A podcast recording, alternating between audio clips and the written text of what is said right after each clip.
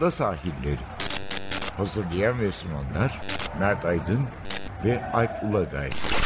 Londra'dan Dünya Spor Gündemi.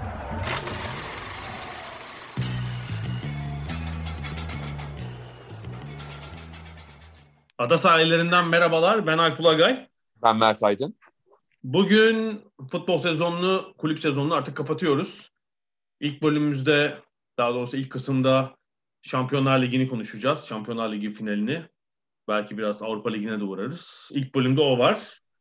E, ikinci bölümde de bu hafta malum yılın ikinci Grand Slam'i Roland Garros başladı ama korttakilerden çok kort dışındaki bir olay konuş, konuşuldu. Bu Naomi Osaka'nın apar topar turnuvadan ayrılması, çekilmesi. Önce basın toplantılarına katılmayacağım dedi. Sonra turnuvadan şey gelince de bir reaksiyon gelince de pılını pırtısını topladı. Los Angeles'a döndü. Bundan sonra ne yapacak? Wimbledon'a falan katılacak mı? O da belirsiz. İkinci kısımda da onu konuşacağız. Bizim için güzel bir konu. Önce Şampiyonlar ile başlayalım. Geçen hafta sonu aslında hem futbolda, önce erkekler futbolda, sonra da erkekler basketbolda Avrupa'nın en büyük takımları belli oldu. Cumartesi günü iki İngiliz'in mücadelesinde Chelsea şampiyon olurken pazar günü de bir Türk takımının ikinci kez tarihte Anadolu Efes'in Avrupa şampiyonu olduğunu gördük. Yani Türkiye için de fena bir hafta sonu olmayabilir herhalde. Onu çok konuşmayacağız. Öncelikle herhalde mevzumuz Cumartesi günü olan Şampiyonlar Ligi finali. E, İngilizler iki yıl önce de İngiliz takımı vardı. İki başka İngiliz takımı final evet. oynadı. Bu sefer ilk defa City, Manchester City tarihinde ilk defa final oynarken Chelsea 2008 ve 2012'nin ardından değil mi? Üçüncü kez evet. Şampiyonlar Ligi finalindeydi. Arada bir sürü de işte Avrupa Ligi finali şampiyonluğu falan var Chelsea'nin. Ee, ama herhalde 4-5 önce Ocak'ta Şubat'ta hani City buraya doğru giderken evet Manchester City tahmin edilebilirdi ama Chelsea için çok öngörülmedik bir durum oldu ama final maçının gidişatına da bakınca yani hak eden taraf Chelsea'ydi. Yani biraz becerikli olabilseler gol belki bir sıfırla kalmayabilirdi de. Hani evet. ve Werner'in bu sezon bütün sezon alıştığımız üzere kaçırdığı pozisyonlar falan var. 3-0 falan olsa çok da haksız olmazdı. Yani City'nin ise hani kötü kullanırlar diyebileceğim bir pozisyon yok. Savunmanın kestiği işte bir iki pozisyon var hani.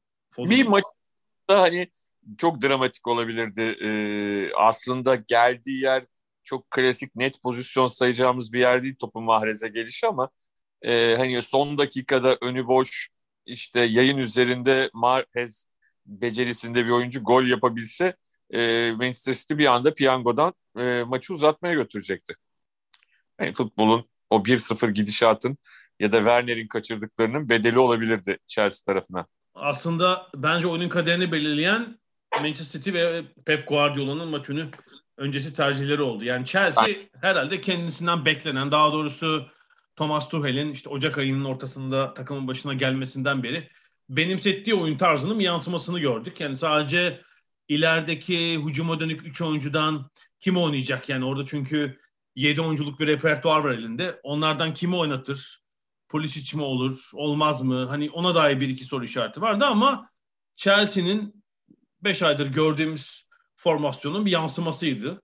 Oyun tarzları böyle işte aşağı yukarı 30 maçtır. İşte bu 4,5 aylık süreçte de en çok aldıkları sonuçlardan biri 1-0 olabilir. Gol yedikleri maç sayısı az. Çok gol yedikleri pek maç yok. Bir, işte böyle garip bir West Brom maçı var 5-2 yenildikleri falan sıra dışı hani. Ama onun dışında 1-0, 2-0. Genelde Chelsea sonuçları böyle. Ancak Alman teknik direktörün bu arada üçüncü kez bu kupada bir Alman teknik direktör şampiyon oluyor. Jurgen Klopp ve e, Flick'ten sonra bu kez de Thomas Tuchel'in şampiyonluğunu görüyoruz. Yani Alman teknik direktörlerin böyle bir kıtanın en büyük turnuvasına damga vurması ve özellikle de yani Flick belki bir şey geçiş dönemi diyebiliriz ama Klopp ve Tuchel özelinde değil mi? Böyle çok kültürlü, yeni kültürlere açık, çok İngilizce konuşan, diğer dilleri konuşmaya yatkın, yeni fikirlere açık ve oyuncular üzerinde etkili, karizmatik teknik direktörler ikisi de ee, ve işte birer yıllarıyla ikisinden birer Avrupa şampiyonluğu geldi. Kariyerlerinin de iki teknik adam da ilk finallerinde hatta kulüp için ikinci finalinde de e, kaybettikten sonra biri üçüncü biri ikinci finalinde böylece iki teknik adam şampiyonluğa ulaşmış oldu. Ama damga vurduklarını yani hem takımların oyununa hem de bu turnuvaya damga vurduklarını söylememiz lazım. Yani Guardiola ise anlaşılmaz bir şekilde Aralık Ocak'ta bir aslında bir şema ve tarz benimsemişti. Yılın sonuna kadar öyle geldi. Yılın sonunda bir şekilde o modelden çıktı. Tüm maçın bence havasını değiştirdi.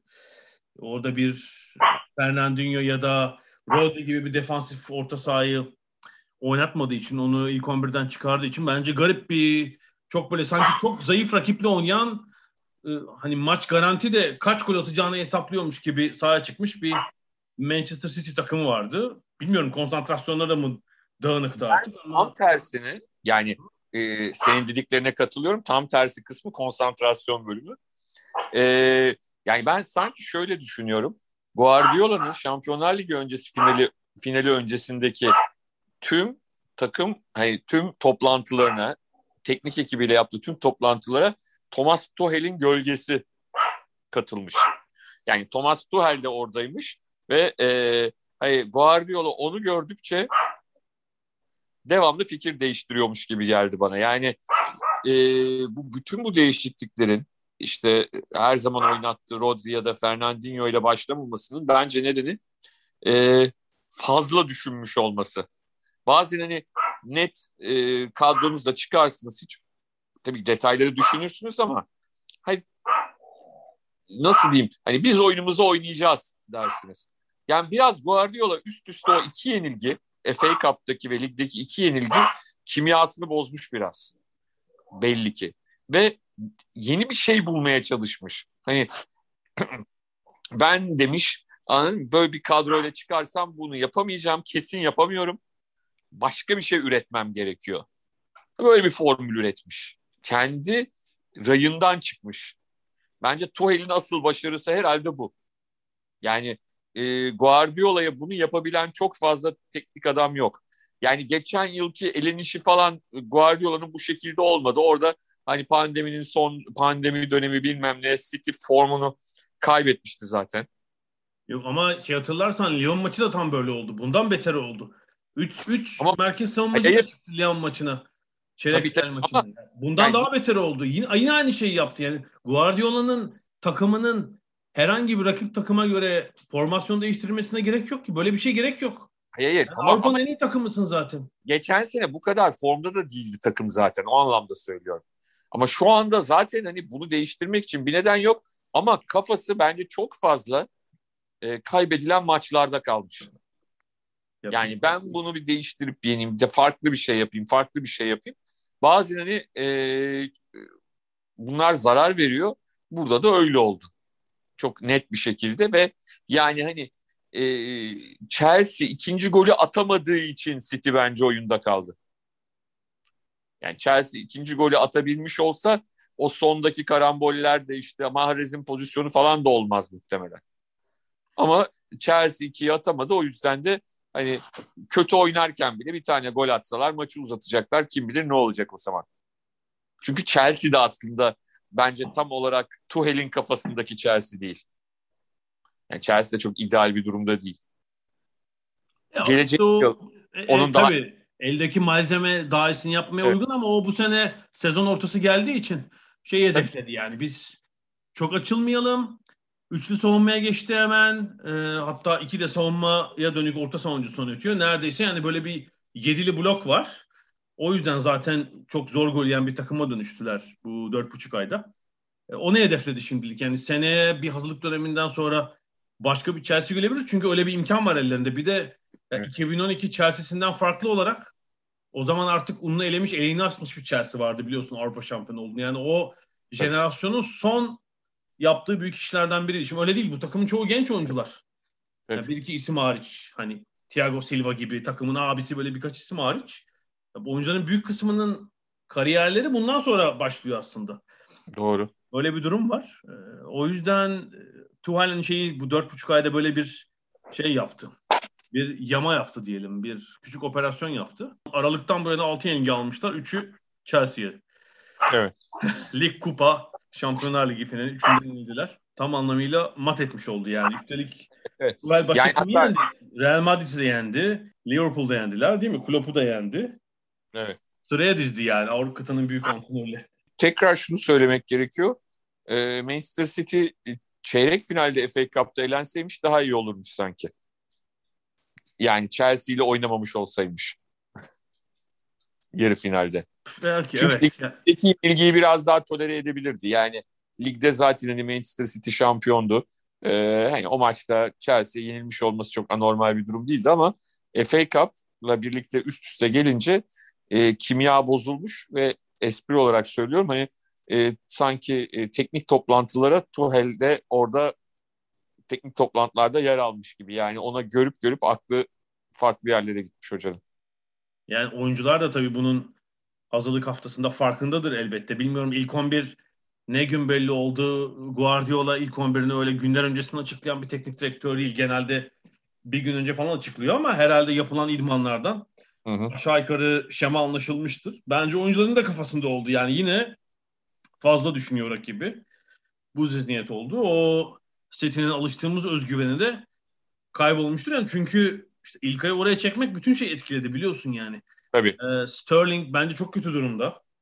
Evet. Ee, yani İngiltere milli takımında falan da oynayacak hali yok onun. Foden'ı açıkta kullanıp onun formundan yararlanma fırsatı da kaçtı. E Bruyne, De Bruyne çok ileride kaldı falan. Yani e, ilerideki altılının tamamen şeyi bozu, verimi düştü açıkçası bu hamlelerle. Doğru. Bir e, büyük fırsatta kaçmış oldu. Bu arada Real falan deyince e, acayip bir e, sirkülasyon devam ediyor teknik adamlarda. aslında Avrupa'daki bu teknik direktör hatta ünlü ve başarılı teknik direktör sirkülasyonundan biraz söz etmek lazım. Yani Ya e, şey, geçen şeyi- yıl için biraz öngördüğümüz bir şeydi ama pandemi falan girince pek kimse hamle yapmak istememişti. Bu yıl hamlelerin bir kısmı oluyor gördüğüm kadarıyla. ya şey esprisi güzel. E, Real Madrid'in son dönemde Richard Jolie'nin yaptığı bir şeydi tweet'te attı değil mi? Real Madrid'in e, son 3 hocası Zidane değil de yok. Şeyin Everton'ın son 3 hocası mıydı? Hayır bir şekilde Real Madrid ha pardon şöyle Real Madrid'in son 4 hocasından 3'ü yani Zidane'ı hariç tutarsak e, İngiltere Ligi'nde Premier Ligi'nde 10. sırayı alan hocalar daha sonra. Hani Benitez, Newcastle'la işte şey ne derler e, Ancelotti şimdi Everton falan böyle acayip bir durum var. Jose Mourinho. Hepsi Premier Lig'de orta sıralarda son dönemde ligi bitirdiler. E, ilginç olacak. Conte'nin de Tottenham ihtimali yüksek. Yine çok değişik bir sezon yaşayacağız gibi geliyor. Yani bir sürü takım tabii durumundan memnun değil. Yani şeye bakarsak bu biten sezondan sonra Real Madrid teknik direktörü yollarını ayırdı. İtalya'da şampiyon Inter, Juventus, Roma değil mi? Lazio teknik direktörleriyle yollarını ayırdılar. Bir kısmı hemen anlaştı. İngiltere tabii en büyüklerde böyle bir durum yok belki ama Tottenham var. Şimdi Everton var. Wolverhampton boşta. Ee, Paris Saint Germain'de bir Pochettino'nun böyle kıpırdanması var. Gitmek istiyor falan filan böyle bir takım söylentiler çıktı. Bayern Münih zaten her zaman plan program dahilinde çalıştığı için teknik direktörü ayrılacağını açıkladıktan herhalde bir hafta mı iki hafta Yani sonra. teknik direktörün gideceği takım belli, gelen teknik direktör belli. Tam Alman usulü hani her şey. Herkes ne yapacağı belli yani. Ama Almanya'da da mesela Dortmund, Leipzig, Bayern Münih hepsi teknik direktör değiştirmiş olacak. Evet. Ee, biten sezonla beraber. Aa, Epey önemli sayı. e, Herhalde Lille şampiyon yapan Galtier Lille'de kalmayacak. Öyle gözüküyor.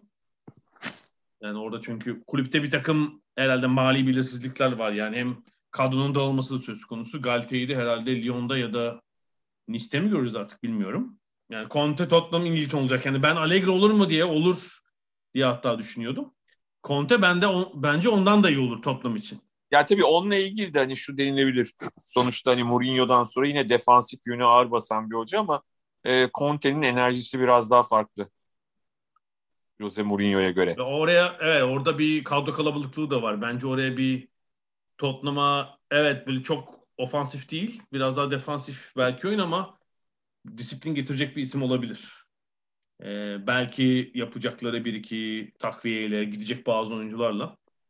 ilginç bir hamle olabilir gerçekten. Hazır aynı konudan devam edelim Avrupa kupalarından da e, good evening. yani Arsenal'de olmadığı sürece kupa kazanmaya devam ediyor. e, Unai Emery yani genelde başarılı bir antrenör zaten. Arsenal'da Wenger sonrası döneme denk geldiği için başarılı olmadı açıkçası. Yani bu Manchester United ve Arsenal'ın çok uzun süre aynı teknik direktörlerle çalışıp kulübün neredeyse o çok uzun süre çalışmış teknik direktörlerin üzerine böyle biçilmiş gömlek gibi olmasıyla alakalı bir durumdu. Yani yani çünkü bunlar sadece yani onlara göre tasarlanmış bir e, kulübü yeni bir teknik adama uyarlamak çok çok zor oluyor. Yani onlara göre tasarlanmış demeyelim, onların tasarladığı kulüp yani. Evet tabii kendileri oluşturdular aslında. Yani öyle değildi. E, şey için de söylemiş hani yıllarca Auxerre'de Giroud mesela hani Auxerre daha küçük çaplı bir kulüp ama onda da benzer bir sorun oldu. Yani e, şimdi bu klasik bir hoca işte 15 yıl takımın başında kalmış hoca meselesi değil. Yani Wenger ya da Ferguson e, sadece takımın başındaki hoca değildi. Asıl ana mesele o. O yüzden de dediğin gibi e, sonrasında gelecek hocalar için işler zordu ama e, Goodwinning hocamız e, bir kez daha kendi adıyla ileride bence anılabilir e, kupayı kazanmış oldu. Tabii e, kazanış sırasında da özellikle penaltı atışlarında hani Solskjaer'in acaba penaltı atışlarından önce kaleciyi değiştirse miydi, değiştirmese miydi sorusu hala e, akıllarda kalıyor. Yani çünkü e, maçı BT'de yorumlayan yorumcu ve spiker bütün penaltılara amazing, harika, muhteşem falan dediler ama birçoğu değildi yani. Biraz abarttılar penaltı e, atışlarını yorumlarken. E, yani iki kalecinin de aslında e, bence kurtarması gereken penaltılar vardı. Ama ya son... Kaç atıldı? 22'de 21 atıldı değil mi? Evet evet yani. Bir tek de her kaçırdı 22 penaltıdan. Evet evet yani hani şeyin kalecisi de Villarreal'in kalecisi de 10 tane penaltı kurtarmadı sonuçta. O da çok çok iyi bir penaltı kalecisi olmadı ama hani diğer tarafta De Gea'dan penaltı kurtarış sayısı daha fazla olan bir yedek kaleci varken hani Luis Van Gaal'in yıllar önce Dünya Kupası'nda yaptığı bir benzeri yapılabilir miydi, yapılamaz mıydı? Ya da o zaman oyuncuyu kaybeder miydi, kaybetmez miydi? Tabii bunlar çok fazla soru işareti olarak kalacak kafalarda.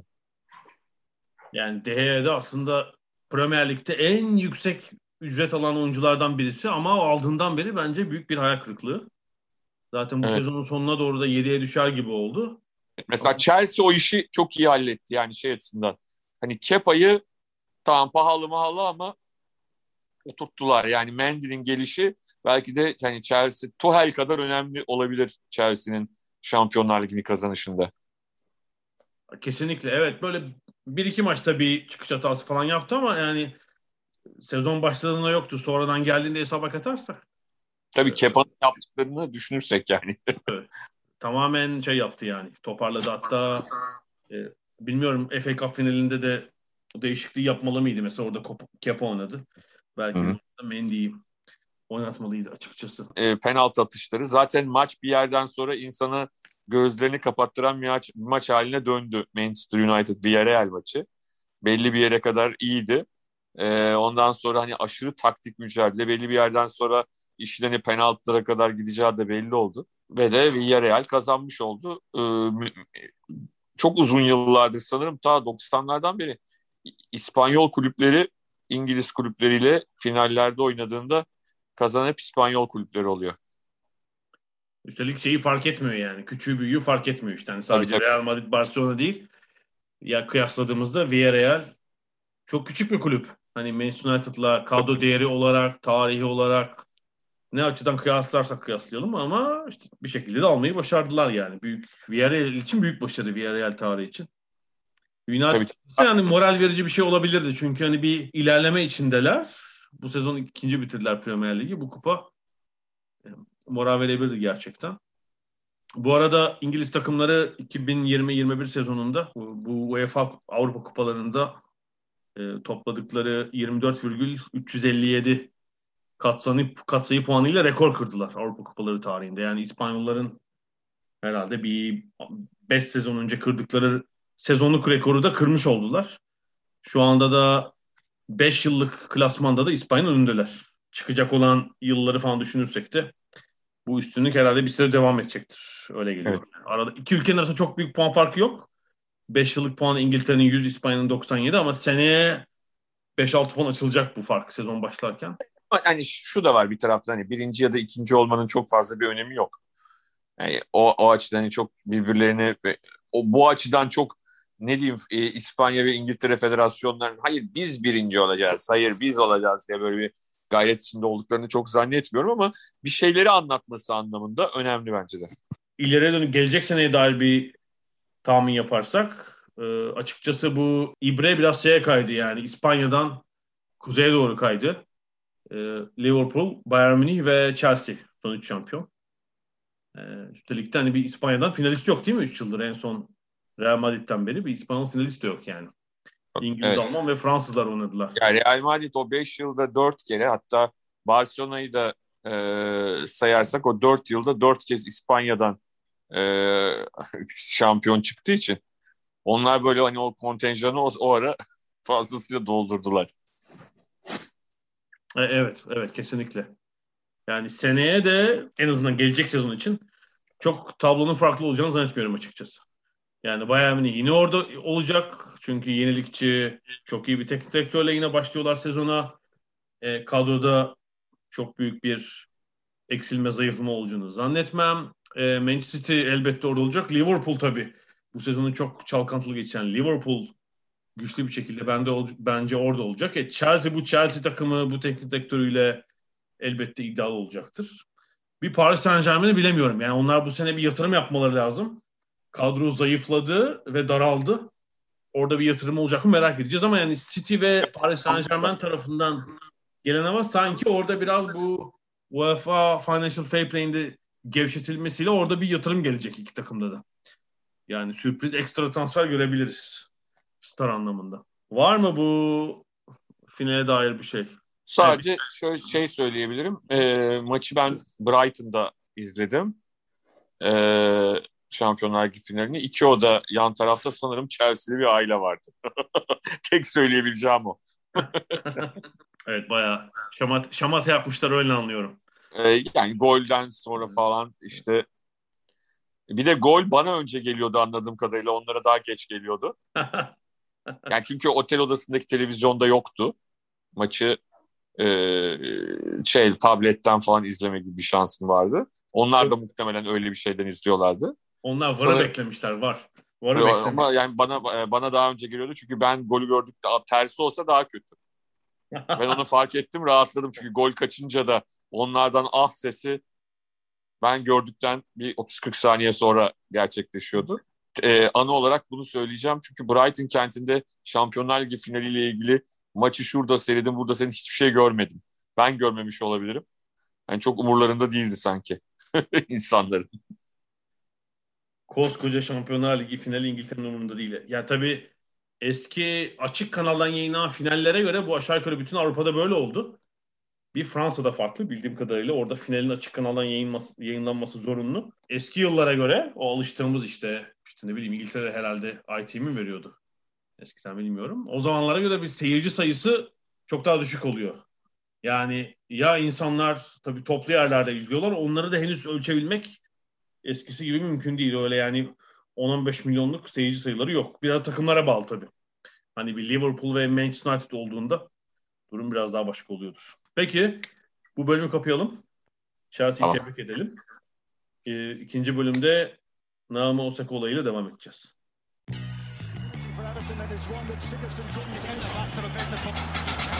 Ada sahilleri Londra'dan Dünya Spor Gündemi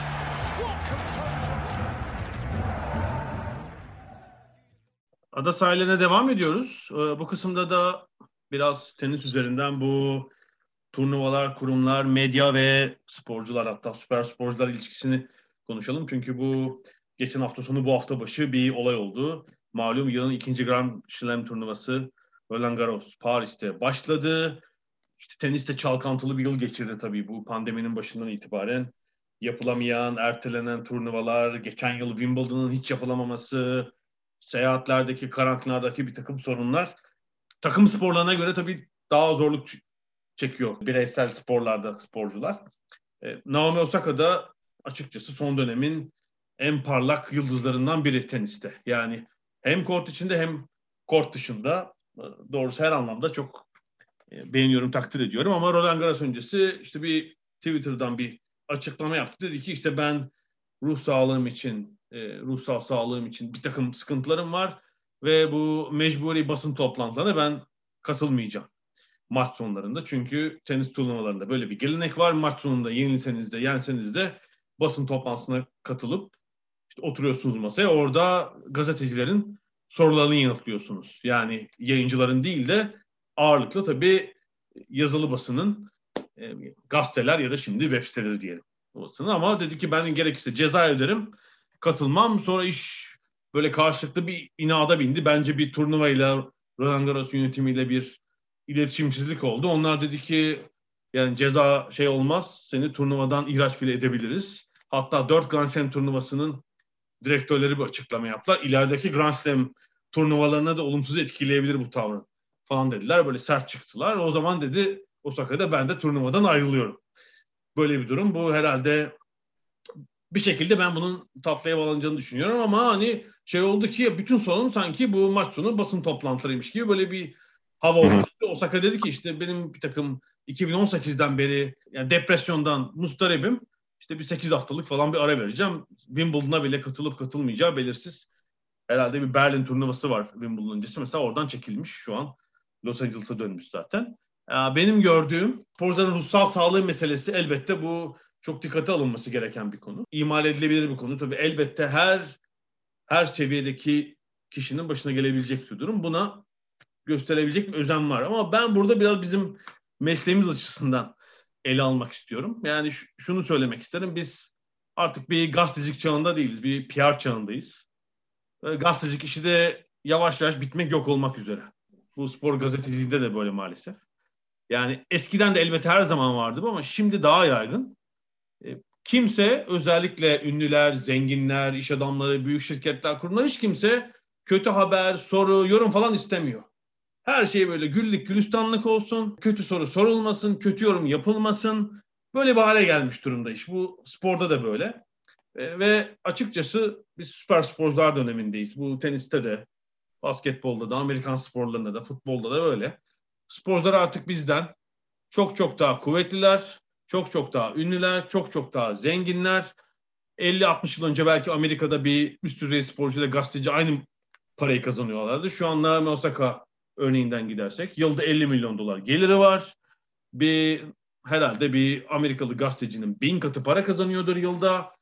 Ee, çok ayrı dünyalardayız ve artık bize ihtiyaçları yok zaten. Yani bu süper sporcuların kendi kanalları var. Sosyal medyada milyonlar, on milyonlarca takipçileri var. Oradan açıklamalarını da yaparlar. Bak ben sana olacağı söyleyeyim bu tenis için. Spor bu tenisçiler, erkek tenisçiler, kadın tenisçiler bir araya gelip tavır bir koysunlar. Şey Grand Slam turnuvalarında belki tenisteki maç sonu basın toplantısı falan diye bir şey kalmaz. Böyle bir şey görmeyiz bile yani. Denir ki işte isteyen katılsına falan döner, döner olay. Çünkü bir kişi ayrıcalık verdiğinde bunun önü alınamayacak bir durum bu. Şey falan kalmaz. Yani dediğim gibi şu an PR devrindeyiz. Herkes böyle kontrollü yapmak istiyor iletişimini kendi kanalından. İşte tenisçiler e, Naomi Osaka Vogue'a konuşmak istiyor. Güzel röportaj. Djokovic GQ'ya konuşuyor. İşte televizyona bir kişilerin röportaj. Sporcuların da istedikleri bu. Kimse o basın toplantısında böyle ters bir soru sormayacak.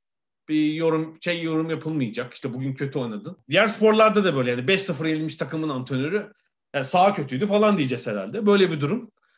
Açıkçası bir gücümüz ve gazeteciler olarak tüm dünya için konuşuyorum giderek azalan bir etkimiz var bizim gazeteci, gazeteciler olarak. Belki yani orta sınıf sporcuların biraz daha bu gazeteci ilişkisine bu tip bir görünüle ihtiyaçları var ama bu süper sporcuların artık buna ihtiyaçları yok. Belki bu Federer, Serena Williams, Djokovic, Nadal kuşağı tabii biraz başka. Onlar çok hani karizmatikler, çok çok tecrübeliler artık iyi kontrol O kuşak bittikten sonra belki de bu basın toplantısı olayı falan da kalmaz mesela tenis örneği için söylüyorum basın toplantılarında e, anksiyetem depreşiyor, iki kötü soru geliyor falan.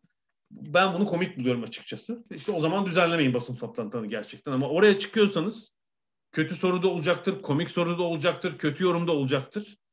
Bunlar bu işin yani bizim mesleğimizin gazeteciliğin, spor gazeteciliğin parçası.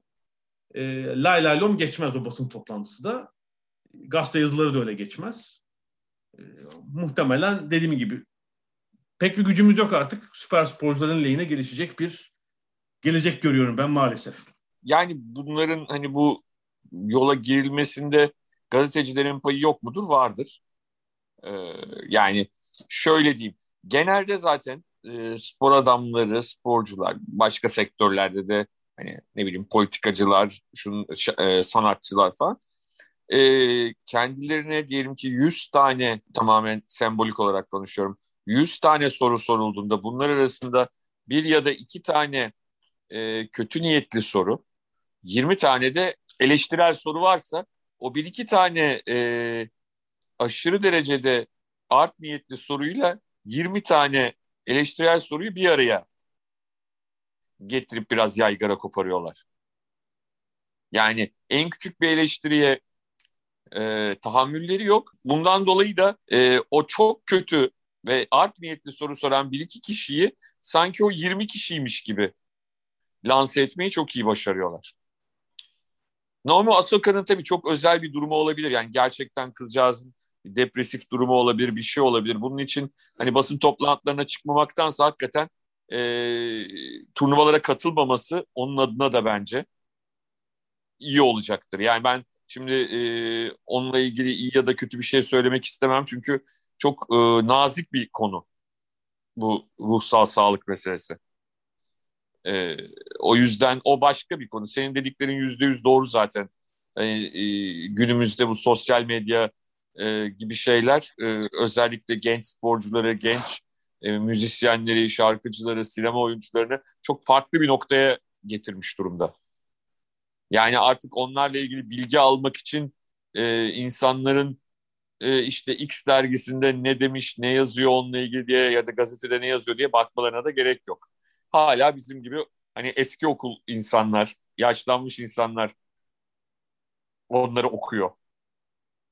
Öyle e, söylemek lazım. Ama hani bir yandan da Naomi Osaka konusunun birebir yüzde yüz alakalı olmasa bile e, spor medyasının kendisini belki de e, bir anlamda kendisiyle ilgili öz eleştiri yapması konusunda da bir faydası olabileceğini düşünüyorum. Çünkü hani her şeyinde güllük gülistanlık spor medyası kısmında da olmadığını düşünüyorum. Yani burada yanlış anlaşır mısın? Türkiye'den bahsetmiyorum çünkü Türkiye'de tamamen ucu kaçmış durumda. Hayır, e, burada dünya uluslararası medyadan bahsediyoruz. Onu da bir yere not edeyim yanlış anlaşılacak çünkü. Hani denecek ki sanki Türkiye'de hala bir umut varmış gibi. Ha, yok yok yani. Hani, o, o, o başka bir konu yani. Hani Türkiye'den bahsetmiyoruz burada. Uluslararası spordan bahsediyoruz. Ee, yani e, çünkü zaman zaman bazı medya mensuplarının ben e, çok yanlış ve çok ters mesela tweetlerini görüyorum ya da sosyal medya mesajlarını görüyorum. Mesela bir tanesi e, İngiltere'de hem kimse sevmiyor ama hem de herkes onu seyrediyor. Piers Morgan var. E, Naomi Osaka ile ilgili bir attığı bir tweet. Açıkça söylemek gerekirse beni Naomi Osaka'nın tarafına gönderdi yani. Öyle Tabii söyleyeyim. Piers Morgan'la Naomi Osaka kıyaslamaz. Ben o yüzden basın diye ayırdım yani. Çünkü medyayla medyanın içindeki gazeteciler aslında çok ufak bir kesim. Yani medyanın çok önemli bir bölümü zaten eğlence ya da broadcaster. Ya Amerika'da bu ayrım vardır ya broadcaster ve gazeteci ayrımı var. Yani yayıncılık özellikle yayın hakkı sahibi olan kanallar, televizyon, medya zaten onlarda böyle bir e, eleştirel soru sor böyle bir şey yok zaten amaç yok. O aslında sporcuyla ya da işte yayınını yaptıkları spor dalıyla bir iş ortağınlar. O yüzden orada daha yumuşak bir ilişki var her zaman ama işte gazete ya da web diyelim. Şimdi hala hala yazılı olan kısım Türkiye'de neredeyse ölmek üzere olan kısım diyelim. Yani hala işte biraz yapmaya çalışıyoruz kenarında. Ee, onunla olan ilişkisinden bahsediyorum ben daha ziyade. Pierce Morgan'ı da onun içine almıyorum açıkçası. Tabii tabii. Yani işte ama bu aşırı kötü örnekler te, demin de söyledim ya bazı sporcuların klasik normal e, gayet makul eleştirel şeyleri de o işin içine at yani onun e, arkasına koyuyorlar onları da. Yani bunu çok çok yani meslek hayatımızda sen de görmüşsündür. Türkiye'de de hani geçmişte çok yaşadığımız bir şey. Hani bir, te, bir teknik adamı eleştirirsin. Sen doğru düzgün eleştirirsin. Bir, bir adam da gider böyle abuk subuk hakaret eder. O hakaret eden üzerinden bütün eleştirenlere cevap verilir mesela. Hani sanki herkes, bütün eleştirenler o hakaret eden adam gibi eleştiriyormuş gibi. Ha, şimdi hakaret başka bir şey. Zaten hakaret dediğimizde herhalde bir cezai durum bile oluşturabilir şimdi. Yazdığım bir yazıda. Şimdi hakaret derken hani sırf şey değil yani kötü diyelim ya da ne diyeyim e, nezaket kuralları dışında ya da sportif konular dışında. Ya bunları e, şeyde kullanıyorlar. Yani sen diyorsun ki uyduruyorum Naomi Osaka'nın backend'ine çalışması lazım diyorsun. Hı hı. Çok basit bir şekilde söylüyorum. İşte ben de diyorum ki Naomi Osaka o poposunu kaldırsa da bilmem neye vursa backend'iyle diyorum. Şimdi, Bak açıkçası bizim tarzımız tabii birincisi. Açıkçası e, buna katlanmak zorunda. İkinci tabii, tabii. verdiğin örneğe de spor dünyasındakiler ben diyorum ki ben, katlanmak zorunda. Başka yapacak tabii, tabii. şey yok. Şöyle yapıyorlar. O ikinciyi sanki bütün eleştirenler o ikinci gibi eleştiriyormuş gibi davranıyorlar. Anlatabildim mi? Yani o eleştirilerden kurtulmanın yolu olarak kendilerini e, yanlış biçimde eleştirenlerin gibi herkes öyle eleştiriyormuş gibi davranıyorlar. Sıkıntı orada. Ben seninle aynı fikirdeyim. Ama bir de şöyle söyleyeyim. Hani bunu e, Osaka olayından çıkartayım çünkü e, şimdi söyleyeceğim şey uluslararası tenis medyasında olabilecek bir şey değil. Ama normal e, spor medyasında hele Türkiye'de yüzde yüz olacak bir şey zaten oldu. Olanı anlatacağım. E, yani sporcuyla nasıl konuşacağını hele hele kaybedilmiş bir müsabakadan sonra e, çok iyi bilmek zorunda bence herkeste. Yani sadece medya mensupları değil yani. Sonuçta e, işte bir olimpiyata katılıyorsun ya da bir Grand Slam'e katılıyorsun. Bu her dakika olan bir şey değil. E, o sporcuyla nasıl eleştirebilmek ayrı bir şey, eleştirmek ayrı bir şey ama nasıl konuşacağını da bilmek çünkü o sırada gerçekten en sıkıntılı durumlarında oluyorlar. 2004 Atina Olimpiyatları e, Elvan Abeylegese dünya rekortmeni olarak gitmişti hatırlarsan 5000 metreye ve hatta ilk bir, bir kilometreyi falan ilk üçte geçirdikten sonra bir anda geride kaldı ve e, 12. zannediyorum 12. olarak yarış bitirdi.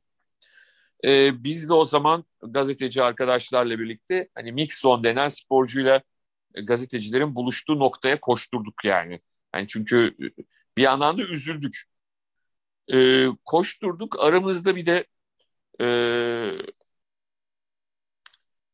daha çok futbol daha, e, işleriyle ilgilenen bir muhabir arkadaş vardı. Onu göndermişler. E, ama onun dışında inenlerin hepsi hani olimpik sporlarla ilgilenen insanlardı. Elvan e, yarıştan sonra TRT'ye bir demeç verdi. Ardından bizim yanımıza geldi ve o sırada o arkadaştan şu soru çıktı. Böyle bir sonucu bekliyor muydun? Hani ben kendimi Elvan'ın yerine koydum o sırada. Ya umarım sadece şunu söyleyeyim hani Elvan'ın Türkçesi gayet iyidir. Hani umarım Elvan anlamamıştır soruyu diye düşündüm içimden. Umarım anlamamıştır. Yani, e, yani böyle bir ortamda sorulabilecek en acayip soruydu herhalde. Ya ben, ya bak ben bu sorunun olabileceğini düşünüyorum. Yani biz sormayabiliriz. Böyle bir soru gelecektir. E, zaten Elvan da bir şey yapmadı kızcağız. Evet. Ben şey anlamında anlatıyorum. Yani biraz e, medya mensuplarının da bazı konularda daha dikkatli, yani daha doğrusu sorularını e, tabii ki soracaklar. Her türlü soru, her türlü eleştiriye açık olmalı ama biraz daha derslerine çalışmaları gerekiyor. Ama bunu dedim ya başında uluslararası tenis medyası ile ilgili söylemiyorum bunu diye. Tamam, hani, ulus, ya, uluslararası yani şeye gelirsek de işte bir sürü yazı okudum bununla ilgili. İşte New York Times'taki meşhur çok kariyerli daha önce röportaj yaptım. Christopher Clary de dahil bir sürü kişinin e, yazısına baktım açıkçası. E, yani şu da var. Yani sadece Grand Slam'lere gidip orada böyle piyasa yapmak için dolanan bir işte tenis medyası diye geçen bir grup da var. Bazıları maçları bile izlemiyorlar. Sadece soru sormak için gidiyor. Ama yani her işte olduğu gibi işte işin, işin evet, evet. kalitesizi o da olacak. Onlar da gelecek araya. İyilerin arasına şeyler de karışacak. Çürükler de karışacak. Yani öyle hepsini birden göze alarak yanıt vermesi lazım sporcuların. Ee, şöyle oldu. Burada futbolda falan artık iyice şey duruma gelmiş durumda. Amerikan sporlarının hala biraz durum farklı galiba. Çünkü maç sonu soyunmaları falan hala açık oradaki kültürde. Çok ilginç bulduğum bir şeydir. Hani idmanları falan kapatıyorlar artık. Şeyde vardı herhalde. Last Dance belgeselinde vardı. Tam o 98 muhtemelen geçiş dönemi. Yani NBA takımlarının idmanları daha önce açık gazeteleri sonra yavaş yavaş kapatıyorlar. Şu anda açık olan yoktur herhalde. Burada mesela İngiltere'deki futbolda da böyle. Bu 2000 öncesi dönemi bilen gazeteciler anlatıyorlar. İşte Emil Lawrence var Arsenal muhabiri arkadaşım. Bu Dixon, Adams, Winterburn kuşağı mesela eski idman sahasında işte maç sonu sen de böyle örnekler anlatmıştın. İdman sonu gidiyor, onu röportaj yapıyor, konuşuyor. Hatta bir samimiyetleri var. E, 2000'den sonra durumun geldiği nokta ise şu. Arsenal takımından bir röportaj mı yapacağım biriyle işte. Kulübün basın odasına gidiyorsun. İşte yanı futbolcuyu oturtuyorlar. 15 dakikanız var diyorlar. Adam seni ilk kez görüyor. Ve hani yapabilirsen yap işte orada bir röportaj. E, son derece kontrollü, e, ilişkinin çok sınırlı tutulduğu, az sayıda sorunun sorulabildiği ve belki bazılarını işte basın sorumlusunun engellediği, şunlar konuşulmasın dediği bir ortam. Yani böyle bir ortama dönüştü. Futbolda bu seviyeye geldi. Böyle bir durum var açıkçası. Yani kurumlar da tabii şeyi kontrol etmeye çalışıyorlar. Ee, bütün bu ortamı, takımlar, kurumlar, sporcular kadar işte. Kulüpler de öyle. Bir son şeye geleceğim. Bu işte turnuvalarda bu dört Grand Slam turnuvası işte Naomi Osaka'ya şey dediler. Daha kötü olur ceza alırsın falan. Kız tabii bunu hiç dinlemeden pılını pırtısını topladı ayrıldı. Ee, burada eğer sporcuların başta Osaka olmak üzere sporcuların uğraşmaları gereken bir şey varsa o açıkçası basın değil bu turnuvalar. Yani bu çok uzun zamandır görüyoruz ki açıkçası bu turnuvalar, kurumlar, federasyonlar, kulüpler sporcuları istismar etmişler mali açıdan. Evet. Ee, şu anda bence teniste hala ciddi bir sorun var. Çünkü e, Avustralya açık, Amerika açık, Wimbledon, Arthur Roland Garros elde ettikleri gelirin bence paylaşmaları gerektiğinden çok azını tenisçilerle paylaşıyorlar. Yüzde 25 falan. Yani bunun çok daha fazla olması lazım. İşte bu demek ki turnuvadaki akreditasyon, basın toplantısı, işte konaklama vesaire bu sistemlerle ilgili sıkıntı da var. Şu diyorum bir Grand Slam turnuvası protesto tamamen dize getirir turnuvaları. Yani bu 73'te olduğu gibi Wimbledon'a gelmiyorlar ya 50 tenisçi evet. falan Wimbledon'ın yelkenleri suya indiriyor. Bir turnuva yeter. Bir turnuvada protestolarını yapsınlar, feda etsinler bir turnuvaya katılmasınlar. Ne basın toplantısı kalır, ne eski para ödül sistemi kalır. Hepsi sporcuların lehine olur. Çünkü sporcular olmadan tabii bu turnuvaların açıkçası bir anlamı yok. Dediğim gibi e, yani basın toplantısı, basınla ilgili kısımda da bizim onlar için artık çok bir değerimiz yok. Yani zaten Osaka'ya gelen destek mesajlarından da bunu anlamak mümkün. İşte Lewis Hamilton'dan LeBron James'e tüm o süper sporcuların gözünde şeyiz biz. Paçavrayız açıkçası. Pek bir değerimiz yok. Yani orta sınıf sporcular için farklı olabilir. Ya da eski sporcular için olabilir. Evet. E, eski, zaten mesela eski kuşaklar farklı olmuş, yorumlamışlar. ilginç yani. Mesela 3 Amerikalı kadın tenisçi, 3 efsane isim. Billie Jean King, Chris Evert ve Marta Navratilova kendi dönemlerinde özellikle kadın tenisini duyurmak için basınla mümkün olduğu kadar çok ilişki kurmak kurdukları için onlar mesela orta bir yerde açıkçası. Mesela bu yani büyük yıldızlar gibi Navret, değiller. Evet, Martin Navratilova'nın özel hayatı yüzünden yani medyadan çekmediğinin kalmadığını da söylemek lazım. Ama biz öyle yorumlamamış. Billie Jean King de öyle yorumlamamış mesela. Çünkü işte 1970'lerde ortam farklı yani. Kadın tenisi çok geri planda seslerini duyurmak istiyorlar, kendilerini göstermek istiyorlar ve basın büyük bir araç bunun için o zaman. Yani televizyonlarında çok... Rağmen böyle diyorlar yani hani o yaşlılıklarına rağmen. Navratilova'nın bir de ekstra zaten göçmen şey Oo, tabii, derler, tabii. ekstra bir şey olduğu için. Bugün en azından yıldızlarından farklı düşünüyorlar tabii kendi yaşadıkları dönemin şartlarını değerlendirerek tekrar. Sanıyorum ada sahillerinden bugünlük de bu kadar. Futbol sezonunu kapattık. Tenis sezonunda süper yıldızları konuşarak girdik. Ee, gelecek hafta belki biraz Euro ile ilgili konuşuruz. Çünkü 11 Haziran Cuma günü Avrupa Futbol Şampiyonası başlıyor. Kaç ülkede ya? Ben hesabı unuttum artık. Ee, ben saymadım. Artık ben de. Tabii, açılış maçı da Roma'da İtalya ile Türkiye arasında. Türkiye için de ayrı bir önem taşıyor. Biraz onu konuşuruz açıkçası. İngiltere'deki havayı aktarırız. Çünkü İngiltere bir nevi ev sahibi grup maçlarını kendi sahasında oynuyor. Gruptaki sıralamasına göre diğer turlarda da kendi sahasında oynama ihtimali var. Ayrıca turnuvanın yarı finalleri ve finali de yine İngiltere'de oynanacak. Yani biz de belki bazı maçlara gitme oradan gözlemlerimizi aktarma fırsatı da buluruz. Yani dışarıda aslında daha çok seyirci olabilir. Publarda ve restoran. E, muhtemelen evet. Çünkü statlardaki seyirci sayısı sınırlı olacak. O zaman gelecek haftaya kadar görüşmek üzere diyorum. Hoşçakalın.